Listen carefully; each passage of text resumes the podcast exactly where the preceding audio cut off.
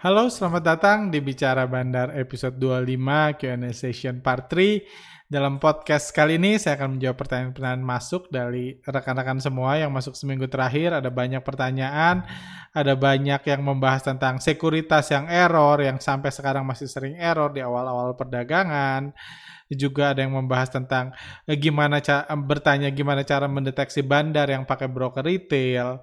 Ada juga yang bertanya tentang apa gimana kalau di, di bursa saham itu isinya investor semua, nggak ada trader, apakah bandar akan mati? Dan banyak pertanyaan lainnya yang menurut saya cukup menarik. Uh, juga ada yang tanya tentang BRIS, agro dan lain-lain. Uh, jadi uh, itu aja yang akan kami jawab. Oke, mari kita mulai. Oke, uh, ini pertanyaan pertama dari Surya Baruna Semenguk. Bang Arga, pernah kepikiran nggak Bang, misal semua akun-akun sekarang bertin pe investor, bukan trader, beli saham berfundamental bagus dan keep. Kalau begitu, apakah bandar akan mati juga ya? Nggak ada yang mau cut loss, semua keep sahamnya, saham naik ketika ada investor baru, begitu seterusnya. Jadi nggak ada yang dirugikan semua bisa menikmati dividen, ekonomi bergerak, saham bergerak. Nggak perlu ada tipu-tipu, nggak perlu markup-markup, emiten akan berjuang untuk memperbaiki kinerjanya kalau semua teredukasi menjadi uh, investor fundamental kan bagus daripada edukasi bandar-bandaran. nah menurut saya ya ini mimpi lah, mimpi yang yang nggak salah tentunya mimpi, cuman menurut saya nggak realistis. Kenapa? Karena yang pasti gimana kita mengedukasi mayoritas investor retail yang jelas-jelas punya berbagai tujuan, punya berbagai keinginan, punya berbagai kondisi uh, keuangan yang berbeda-beda. Ada yang pengen cepat kaya, ada yang buat investasi jangka panjang, ada yang buat mainan di masa pensiun dan lain-lain. Itu aja akan dengan mudah dipecah belah oleh bandar yang dengan sesukanya menaik turunkan harga. Kayak gitu. Saya rasa kita nggak mungkin men-trigger investor retail untuk semua bertindak yang sama.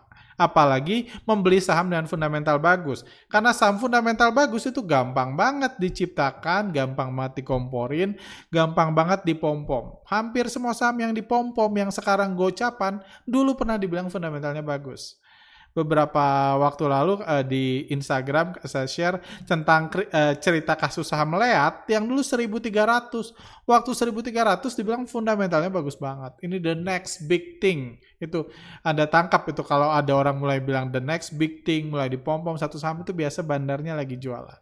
Sekarang harganya gocap. Investor yang baru masuk kalau seperti Bapak bilang, pengen fundamentalnya bagus, bisa beli Leat di 1300 sekarang 50 belum tentu dibangkitin lagi. Kayak gitu. Dan kalau gini juga, kalau memang investor semua tergantung kinerja perusahaan, saya sih khawatir bursa saham itu kalah bersaing sama deposito. Karena kan fundamental bagus, kinerja perusahaan paling menghasilkan 5% dari dividen. 5% dari dividen jangan-jangan kalah sama deposito ya mungkin bisa kasih 6%. Kayak gitu kalah sama deposito. Jadi malah bursa saham akan mati dengan sendirinya kalau bandar nggak diberikan kebebasan untuk menaik turunkan harga saham yang justru jadi nilai utama dari bursa saham. Kalau menurut saya seperti itu, yang pasti ya tentu itu pendapat masing-masing bisa boleh berpendapat gitu. Yang pasti yang kita tahu fundamental perusahaan hanya memberikan dividen. Aset bertumbuh dari perusahaan nggak membuat investor dapat aset Misalnya satu perusahaan beli mobil 100 bukan pemegang saham dapat satu-satu mobilnya kan kan enggak. Jadi itu e, menurut saya nggak sehat tapi itu hanya pendapat saya yang pasti saya sangat yakin investor e, retail itu nggak mungkin semua satu tujuan, satu prinsip, satu paham sehingga bisa seperti itu. Kalau investor retail e, semua bisa kompak harusnya saham bumi udah terbang. Karena itu saham sejuta umat, ada sejuta umat nyangkut di situ, dan nggak ada yang bisa ngapa-ngapain. Karena retail nggak bisa gerakin harga. Yang ngatur harga itu bandar. Kalau bandar menghendaki, harga bumi bisa 200 sekarang. Kalau bandar yang menghendaki. Kalau retail udah bertahun-tahun menghendaki, masih tetap gocap. Karena ini ini ini ini tempatnya bandar bursa saham itu tempat bandar tempat big money namanya juga pasar modal kan jadi pemilik modal besar lah yang mengatur Seperti itu. Dan menurut saya bursa akan mati kalau nggak ada bandar sama sekali dan semua ber, uh, bersandar pada fundamental perusahaan. Menurut saya bursa akan justru akan mati karena kalah bersaing sama deposito yang mungkin returnnya lebih besar dari sekedar dividen yang paling 5% setahun. Seperti itu. Itu pendapat saya uh, uh, dari Pak Edisan. Pengen nanya nih Pak Arga dan tim CTS untuk mengukur tingkat risiko dan mengkategorikan saham saham ke beberapa tingkatan harus berdasarkan apa saja ya Pak?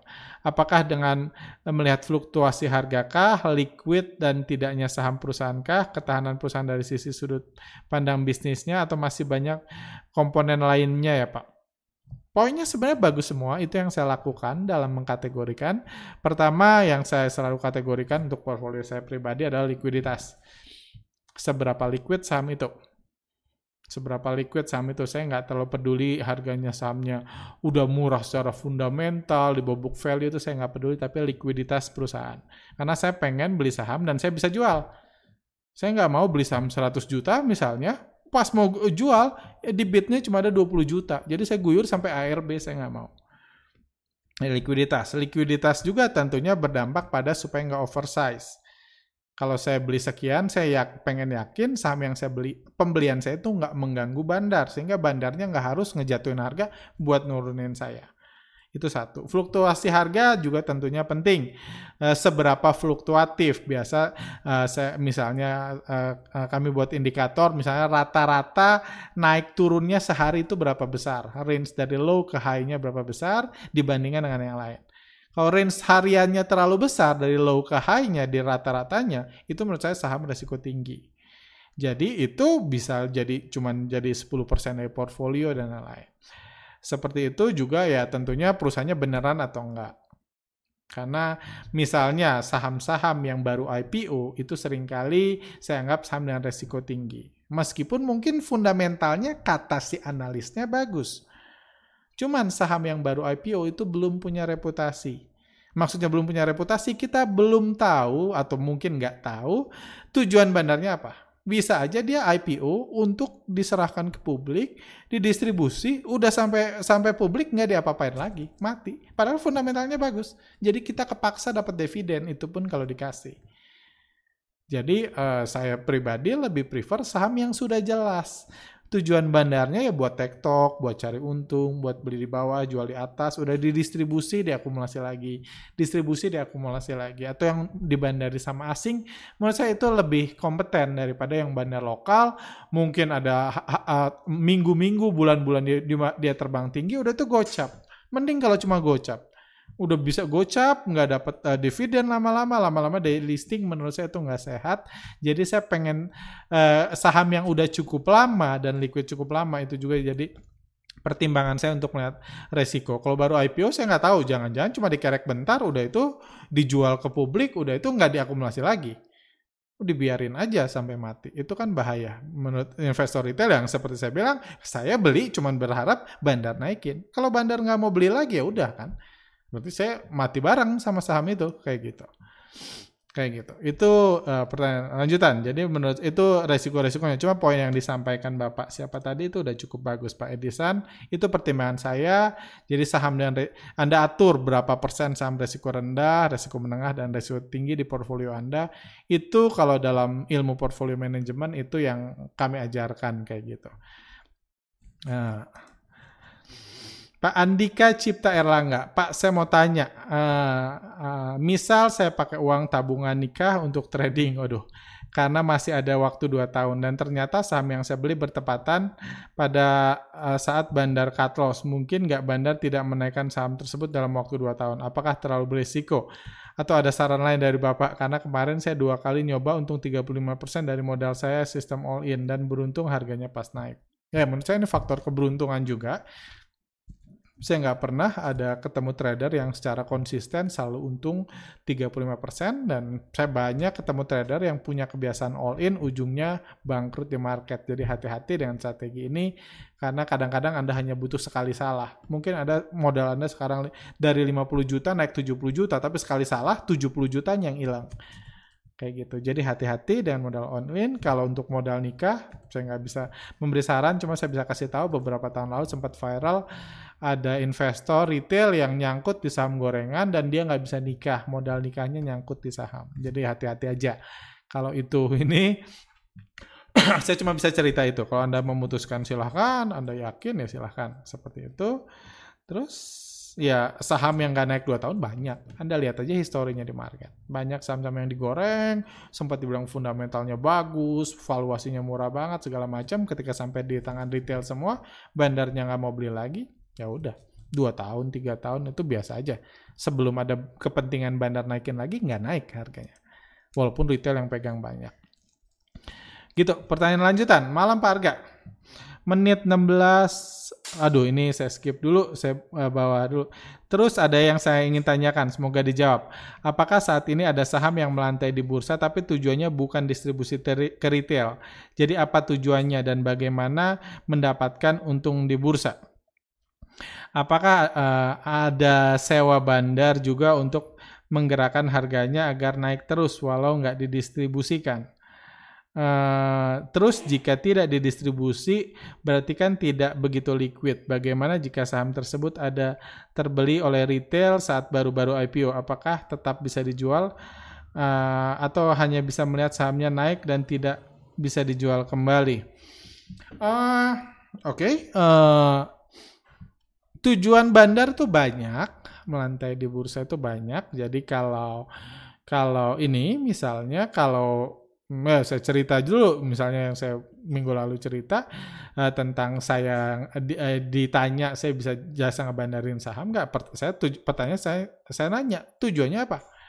Nah tujuan banyak. Ada yang mau mau cari uang secara jadi full time bandar lah, istilahnya sahamnya istilahnya uh, si bandarnya punya kepentingan untuk cari cuan konsisten di saham itu tanding sama retail kayak akumulasi di bawah naikin di atas jadi cari capital gain ada. Ada yang tujuannya ya misalnya uh, beberapa waktu lalu saya ketemu uh, salah seorang ini, uh, salah seorang yang uh, ada ide dia pengen jadi ini, uh, pengen nge-IPO-in perusahaannya, dia dari keluarga kaya, keluarga berada, dan dia kalau nggak salah anak paling kecil, kalau nggak salah, anak paling kecil, dan dia pengen, uh, dia pengen kepikiran, baru nanya-nanya awal mau meng-IPO-kan perusahaan. Terus saya tanya, tujuannya apa? Nah, yang saya tangkap dia ngeles sana sini, cuma yang saya tangkap dia pengen keren aja. Jadi ada anak paling kecil pengen lebih keren dari kakak-kakaknya, adik-adiknya, jadi di IPO-in perusahaannya. Terus kalau uh, di, uh, yang saya tangkap tuh perusahaan nggak butuh duit dan dia juga nggak punya rencana untuk keluar dari bursa saham atau menjual perusahaannya nggak. Mungkin kalau dia dia tujuannya naikin aja, biar apa jadi kaya. Gimana naikinnya? Kalau dia nggak bisa ya sewa bandar. Bandar pun happy kalau tujuannya naikin ya. Sekarang 100 torong naikin ke 17 ribu. Siap. Bagi bandar happy. Itu itu tugas paling gampang. Saya pun bisa kayak gitu. Apalagi sama yang baru IPO dari 100 naikin 17 ribu itu tugas paling gampang. Di tengah jalan bisa aja dari retail yang masuk. Tapi ya paling 1000-2000 lot kayak gitu nggak banyak gitu yang masuk. Kenapa? Karena barangnya pun nggak disediakan kan nggak dikasih ke retail. Ya ini kan yang mau kaya ownernya yang IPO-in bukan lu yang kita di sini bukan buat kaya Anda retail-retail gitu kan. Jadi harganya naikin aja dari 100 sampai 17 ribu gitu. Ya bisa. nggak ada yang salah kayak gitu. Nggak ada yang salah itu keinginan aja. Jadi ada banyak. Bukan hanya di distribusi bukan hanya buat trading cari untung keluar masuk keluar masuk. Paling kalau paling gampang ada contoh misalnya investor asing kan keluar masuk kayak gitu nggak harus seperti itu. Ada banyak cara ada banyak tujuan di bursa saham. Kayak gitu. Oke. Okay. uh, Luki Tania, aduh panjang. Bang Arga, abang selalu mengatakan bahwa hampir semua saham digerakkan oleh bandar, khususnya bandar asing yang sesuka hati mau menaikkan atau menurunkan harga. Jika demikian, apakah untuk BEI mengajak masyarakat membeli saham dengan slogan yuk nabung saham? Asumsi masyarakat arti menabung adalah menyimpan saving aman. Uh, seperti masyarakat menabung di bank yang aman karena ada jaminan LPS. Nah, jika begitu investor pemula newbie membeli salah satu saham di BI ternyata sudah disimpan bertahun-tahun malah rugi, bukan untung. Maka berarti BI turut menjerumuskan masyarakat lebih miskin. Jika jadi kenapa BEI membiarkan bandar sesuka hati mereka mempermainkan menggoreng saham supaya naik turun? Mengapa BEI tidak membuat suatu kebijakan yang dapat melindungi investor retail supaya trading saham dengan harga wajar eh, dan fair sehingga slogan yuk nabung saham juga berjalan. Investor lebih nyaman menyimpan uangnya di saham. Ini sama sih pertanyaannya dengan pertanyaan pertama tadi. Pertama itu nggak mungkin, uh, di mana semua trading harga wajar. Pertama, harga wajar itu siapa yang nentuin? Yang nentuin kan bandar. Kalau nggak ada bandar, harga wajarnya apa 50 gitu nggak gerak kan nggak nggak ini nggak realistis. Harga wajar itu siapa yang harus nentuin kayak gitu. Terus uh, kalau investor retail semua, misalnya nih ada saham uh, abis IPO khusus dibeli investor retail, apakah harganya akan naik? Ya nggak naik beberapa waktu lalu saya post, sah uh, post saham Enzo, Enzo itu udah diborong sama investor retail. Barang udah banyak di investor retail, kenapa nggak dinaikin sama retail? Kan retail nggak bisa naikin. Jadi kayak gitu menurut saya ya, ya kenapa BI membiarkan bandar? Karena fungsinya adalah menggerakkan harga saham. Ya, itu fungsinya, itu tugasnya. Kalau nggak ada yang menggerakin, buat apa orang invest di bursa kan? Itu satu. Terus uh, Uh, disimpan bertahun-tahun malah rugi ya itu juga bukan salah BEI dan menurut saya BEI uh, eh, memang slogannya menabung. Tapi menabung itu kan bukan hanya dikategorikan dalam saving. Uh, uh, uh, uh, ha bukan hanya kaitannya menabung itu bukan hanya aman. Bisa juga menabung itu nyicil dollar cost average. Setiap hari nabung setiap bulan nabung itu juga kan layak disebut menabung. Kayak gitu Uh, jadi uh, dan uh, menurut saya kalau BEI yang mengajarkan, kebetulan saya juga yang diminta ini, kami juga yang diminta buat seminar nasional yuk nabung saham empat tahunan yang lalu, dan kami mengajarkan resiko kok gitu di seminar nasional itu waktu itu ada sekitar 400 orang datang di gedung bursa, kami menjelaskan kok resikonya. Kami menjelaskan apa kesamaannya menabung dan apa ketidaksamaannya menabung. Kayak gitu. Dan uh, eh, BI pun berusaha sebisa mungkin untuk ngasih saham-saham yang mungkin aman. BI nggak pernah ngajarin tabung lah saham-saham yang nggak jelas. Kayak gitu BI nggak pernah ngajarin. Kalau investor retailnya memilih saham-saham yang nggak jelas, niatnya nabung tapi nggak jelas ya itu udah bukan salah BI atau OJK lagi. Seperti itu. Pak, sedikit clue deteksi EP jelas uh, uh, jelas ada sesuatu di sana. Thank you, Pak. Hmm, YP ya sebenarnya gampang sih mendeteksi retail yang dipakai bandar. Misalnya YP beda sendiri. Misalnya sekuritas-sekuritas retail lain pada beli YP jualan. Besar lagi jualannya. Itu kan aneh. Kok bisa ini uh, apa triggernya investor retail di YP uh, pintar sendiri? Itu kan aneh. Kan either pintar-pintar barang atau bego-bego barang kan atau uh, enggak, enggak ini kenapa saham hari ini investor retail di YP pinter? Atau bodoh ya terserah tapi beda dengan retail lainnya itu ciri-ciri eh, dia dipakai bandar. Atau transaksi YP jauh lebih besar dari retail-retail lainnya itu pun bisa. Jadi nggak sulit sebenarnya kalau anda biasa Pertanyaan lanjutan dari Pak Fawas by Haki. Bang Arga mau tanya tentang bandar saham. Apakah bandar saham itu ada wilayahnya sendiri-sendiri? Broker bandar saham lain tidak boleh ikut mengatur harga saham tersebut. Dan apakah broker yang digunakan untuk mengatur pergerakan harga saham itu broker yang selalu sama? Misalkan yang ngatur saham BES adalah broker DR. Apakah ada kemungkinan bandar memakai broker lain di lain waktu? Terima kasih. Uh, Oke, okay. uh, eh, ya pertama ya seperti saya sudah sering jelaskan, Anda bisa nonton podcast podcast lainnya. Bandar itu sutradara yang mengatur pergerakan saham, seperti sutradara yang mengatur pergerakan film. Satu film nggak akan jalan kalau ada dua sutradara. Satu pengen roman, satu pengen berantem, gimana jadi filmnya kan, kayak gitu. Jadi tentunya bandar itu uh, bandar adalah sutradara dan harus ada hanya ada satu sutradara untuk film itu bisa berjalan untuk saham bisa berjalan harus ada hanya ada satu bandar. Seperti itu. Eh, fungsi bandar itu kan sutradara pergerakan harga saham dia yang ngatur dia yang mutusin mau naik mau turun mau auto reject atas auto reject bawah itu keputusan bandar bandar akan pakai broker yang sama ya umumnya eh, setiap production house intinya uh, institusi tempat bernaungnya sutradara tersebut umumnya punya kerjasama dengan broker-broker tertentu kerjasama dan broker-broker itu biasanya memang digunakan berulang-ulang oleh bandar. Tapi jangan bukan satu broker. Bukan berarti best brokernya bandarnya pakai DR bukan berarti hanya pakai DR dia bisa kerjasama sampai 30 sekuritas sekaligus. Jadi salah satu analisa yang diajak uh, yang dibahas di workshop Bandar Mogi adalah analisa inventory analysis. Jadi Anda hitung jangan satu broker yang dipakai bandar, tapi hitung 20 broker terakhir. 20 broker yang paling sering dipakai bandar, dia ada yang beli, ada yang jual setiap harinya dan itu Anda total.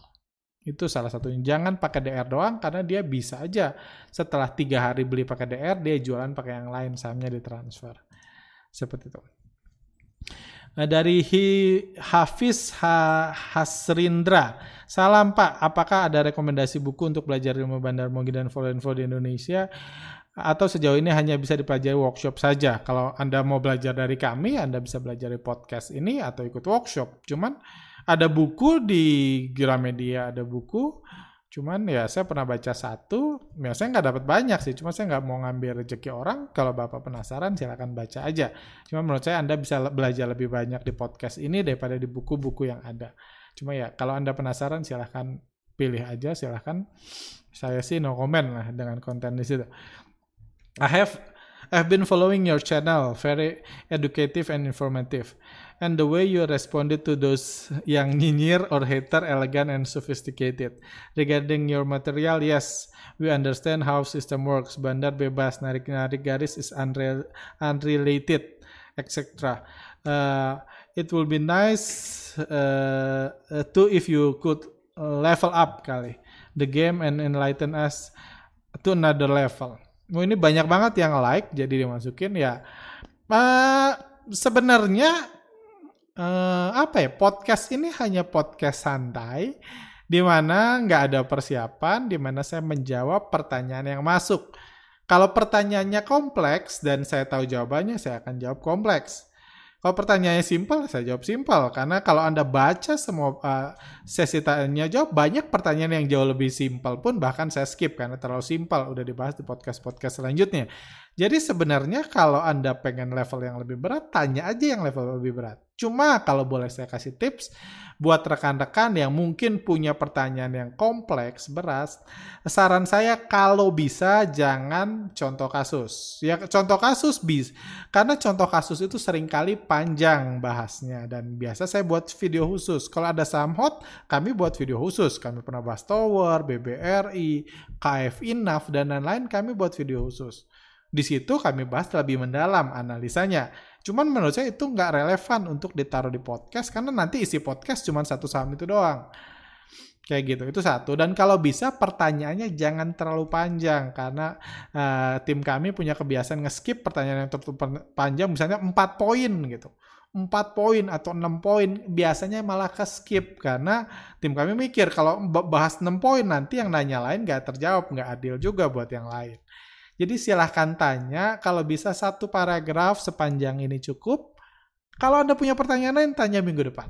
Kalau pertanyaan menarik dan banyak like seperti ini, pasti kami jawab. Apa pun itu, kalau kami bisa. Kalau saya nggak tahu jawabannya, saya jawab nggak tahu. Cuman silahkan, karena ini temanya ya nggak ada persiapan. Uh, kemarin uh, ya uh, kemarin saya uh, sharing tentang pertanyaan yang menurut saya butuh dijawab mendalam tentang full time trader saya buat video khusus buat full time trader. Kalau ada pertanyaan yang menurut saya sangat menarik untuk dijawab, saya akan jawab video khusus.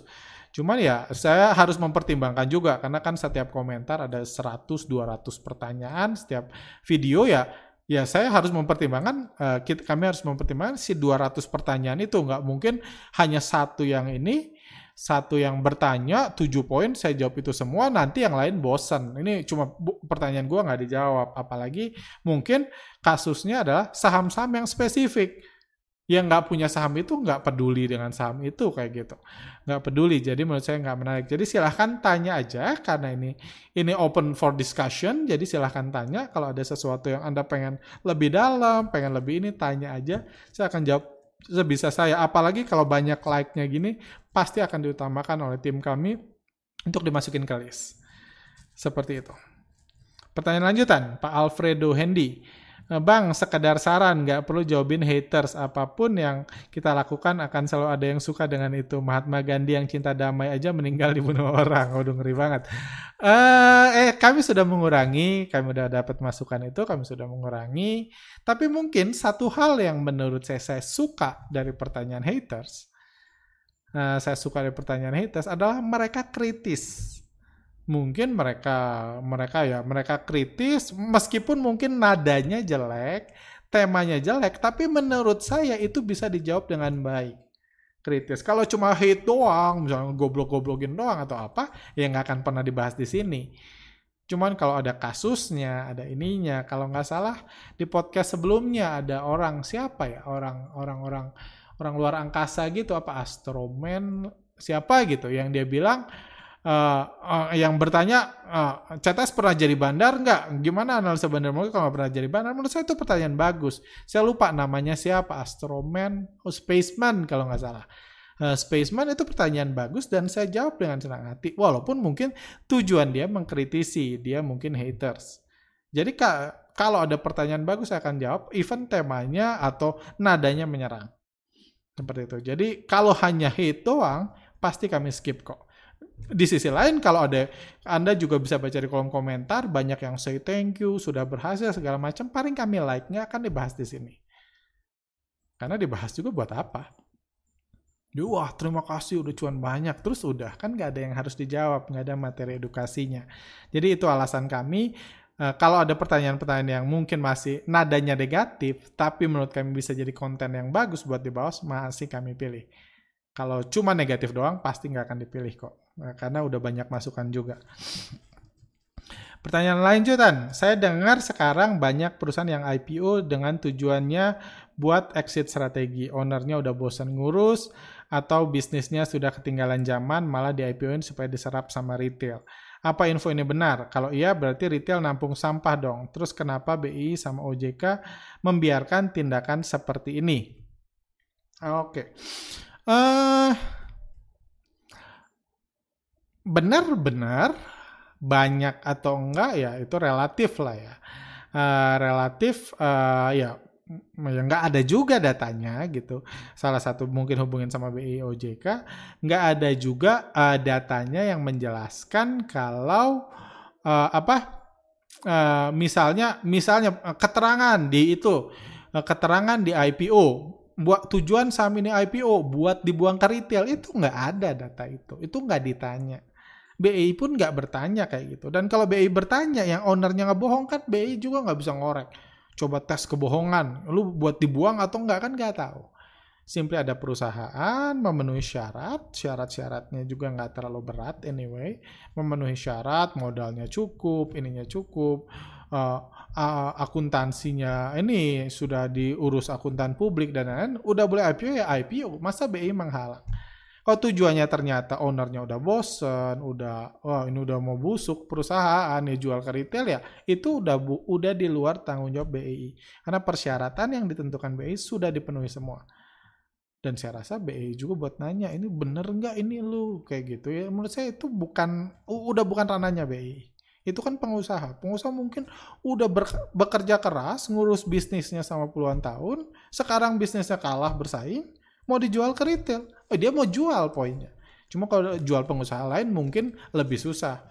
Karena jual misalnya jual senilai 200 miliar kan susah cari pembelinya apalagi bisnisnya udah bobrok. Paling gampang jual ke siapa? Ya jual ke retail. Tinggal sewa bandar digoreng-goreng jual ada yes ada banyak ya relatif tergantung menilainya dan kami pun nggak semua tahu semua saham itu benar-benar untuk dibuang atau enggak cuman itu ada yes retail nampung sampah, wong retailnya mau beli kan. Kalau retail eh, nggak uh, pernah dipaksa beli anyway. Kalau mau nampung ya itulah. Ini adu pintar aja sih menurut saya dan kita harus ini harus apa ya? Harus objektif bahwa kenyataannya sekarang itu banyak bisnis lama ini pembahasan di workshop Bandar Mulia IPO banyak bisnis lama yang sudah menurun kita dulu di setiap kota ada raja retail, punya toko banyak, punya bisnis banyak, itu udah menurun. Banyak kebutuhan-kebutuhan yang dulu banyak dipakai, sekarang sudah menurun. Jadi banyak bisnis yang sudah menurun. Dan bisnis yang bangkit saat ini itu umumnya berhubungan dengan IT. Masalahnya perusahaan IT yang bagus itu nggak butuh IPO. Karena ada venture capital. Jadi sebenarnya itu sebabnya saya nggak setuju dengan metode penggunaan menggunakan metode Warren Buffett 50 tahun lalu dipakai sekarang. Karena perusahaan yang dibeli Warren Buffett 50 tahun lalu udah nggak ada sekarang perusahaan bagus, berprospek, bertumbuh, harga masih murah, itu semua perusahaan IT. Dan kalau Warren Buffett, mungkin kalau Warren Buffett zaman sekarang itu udah jadi venture capital, udah hunting startup-startup maju untuk dimodalin dari sekarang. Jauh sebelum di IPO, jauh sebelum kita-kita trader saham uh, mau beli, uh, bisa beli di market. Kalau kita beli, udah pemain besar yang jualan ke kita. Karena barangnya, perusahaannya udah besar dulu dan udah jual udah uh, perusahaannya udah besar dulu dan pemain besarnya pengen exit ya kita yang suruh beli kayak gitu jadi menurut saya nggak ada salah OJK ya simply realita di market aja. Uh, uh, lucu banget. Pak Parga saya mau nanya Bandar Bris dan Agro itu kan sama. Saya masih bingung saja kenapa kalau Bris lagi sentimen positif Agro juga ikut ya. Padahal Agro nggak ada sentimen apa pun. Sebenarnya tujuan Bandar menyamakan Agro dan Bris Nah, sebenarnya apa tujuan bandar menyamakan agro dan bris? Ya momentum aja sih. Jadi sebenarnya uh, momentum pergerakan harga itu diciptakan oleh bandar. Tapi sudah terbukti alangkah baiknya momentum itu disatukan dengan berita-berita yang terkesan positif walaupun nggak ada efeknya apa-apa buat perusahaan. Contohnya, vaksin mendarat di Bandung, harga KF dan INAF diterbangkan. Juga saudara-saudaranya saham-saham e, ibu kos itu diterbangkan semua. Hanya memanfaatkan momentum berita yang nggak ngefek apa-apa. Emang bedanya apa sampai di Jakarta, sampai di China, sampai sampai di Bandung nggak ada apa-apa. Cuman momentum itu membuat orang pede. Wah ini mau dapat vaksin nih, nanti mau bagus, mau itu jadi orang pede. Jadi nimbrung banyak, jadi bandarnya pun bisa ngegoreng, di atas bisa jual.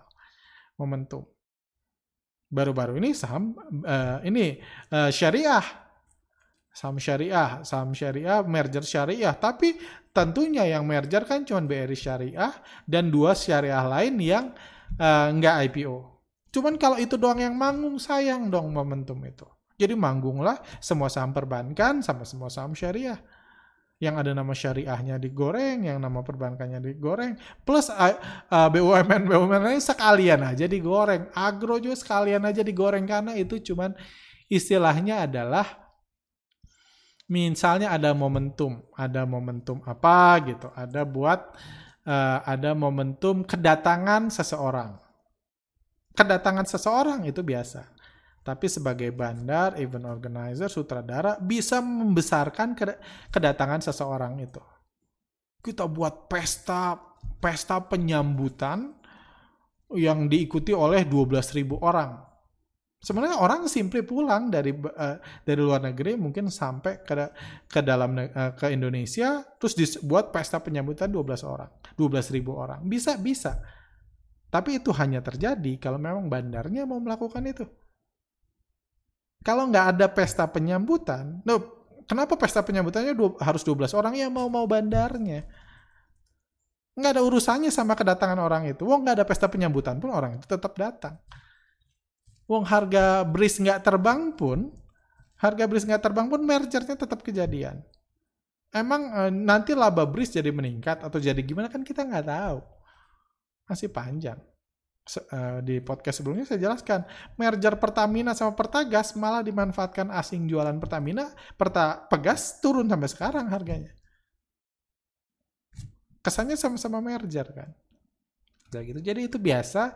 Jadi itu hanya satu kejadian yang dipestakan oleh bandar. Boleh boleh itu hak bandar. Jadi nggak ada hubungannya sama kejadian ini. Kayak gitu. Nggak ya ya kejadian ini hanya dimanfaatkan untuk buat pesta besar-besaran. Orang datang ke Indonesia itu biasa. Tapi bandar membuat pesta yang didata dihadiri oleh 12.000 orang nggak ada pesta itu pun orang tetap datang cuman nggak ada apa-apa kalau nggak ada pesta. Jadi kuncinya tetap di bandar dan kalau dia mau naikin beri sama agro di waktu yang sama ya terserah dia. Itu hak mereka. Semua saham syariah dikerek semua saham perbankan dikerek apa hubungannya? Memang nggak pernah ada hubungannya. Kayak gitu. Memang gak ada, pernah ada hubungannya, jadi nggak usah bingung. Market seperti itu, kalau Anda jeli, mungkin Anda bisa uh, uh, apa berspekulasi melihat momentum-momentum ke depan. Oh, mungkin si ini bakal datang nih, kemungkinan bakal pesta lagi. Anda bisa belum bisa beli sebelum pestanya dimulai. Tapi bu, bu, bukan berarti itu sebuah kepastian ketika datang pestanya dimulai. Bisa aja bandarnya malah jualan. Jatuh juga gitu, harga jatuh. Jadi itu hanya dihubung-hubungkan oleh bandar dan nggak harus dihubungkan juga. Bisa ada kejadian nggak dihubungkan. Ada berita positif beberapa waktu lalu tentang vaksin, KF sama INAF naik sehari, turunnya beberapa hari. Ya, oh enggak, uh, kali ini bandar nggak pengen buat pesta nih, lagi istirahat. Iya? Eh, berita boleh keluar, pestanya nggak. Orang boleh datang, cuma nggak ada pesta penyambutan. Kayak gitu. Mungkin itu aja, saya terlambat ngasih ini, uh, terlambat ngasih timer untuk kali ini udah 30 menit lebih, saya rasa udah banyak juga pertanyaan yang saya uh, bahas. Uh, itu aja buat rekan-rekan yang mau bertanya, punya komentar, atau ini silahkan. Jangan lupa kalau boleh pertanyaannya jangan terlalu panjang biar nggak di skip. Berat nggak apa-apa, cuman kalau bisa dibuat satu paragraf, terutama bagi Anda yang pengen belajar lebih dalam. Dan kalau bisa ya jelas, singkat, dan bisa dipahami semua orang. Karena saya buat podcast ini untuk semua orang jadi saya akan coba kalau bisa semua materi bisa dibahas buat mayoritas orang, jangan terlalu spesifik seperti itu. Oke, gitu aja uh, podcast kali ini. Thank you buat ini. Uh, semoga saya berharap Anda bisa belajar something dari podcast ini. Silahkan like kalau Anda suka, bisa dislike kalau nggak suka. Sehat selalu. See you next time.